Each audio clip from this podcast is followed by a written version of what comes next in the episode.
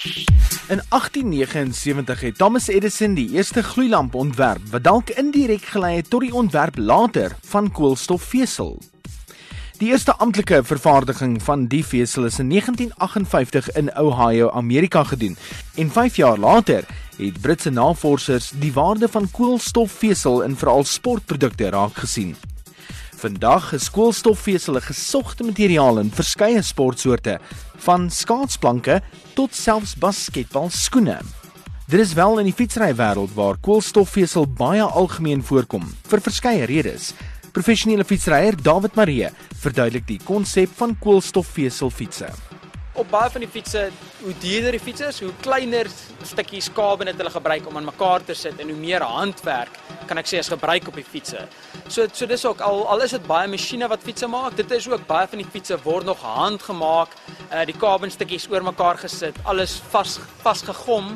Uh ek sê die skere dele, so as jy 'n kabel fiets het, is is hy vasgegom. Die grootste verskil sal wees in die absorbasie van die van die kabelrame.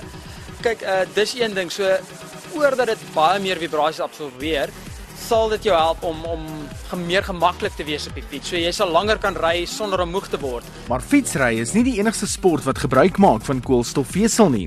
Basketbal het ook nou begin gebruik maak van koolstofvesel in die vorm van skoene.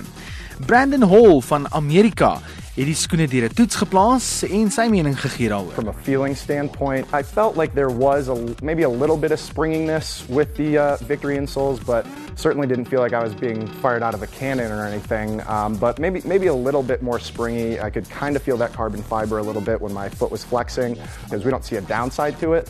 But um, not going to make you run suddenly a 4-3 if you're a 4-8 guy. Die Amerikaner Brandon Hall wat koolstofvesel skoene in basketbal op die proef geplaas het. So van motorsport tot basketbal, fietsry, skaatsplanke en selfs skoene. Die koolstofvesel is hier om te bly. Dit is ligter en dit lyk eenvoudig goed. Tot watter mate dit in die toekoms nog die sportwêreld gaan beïnvloed, bly 'n oop vraag.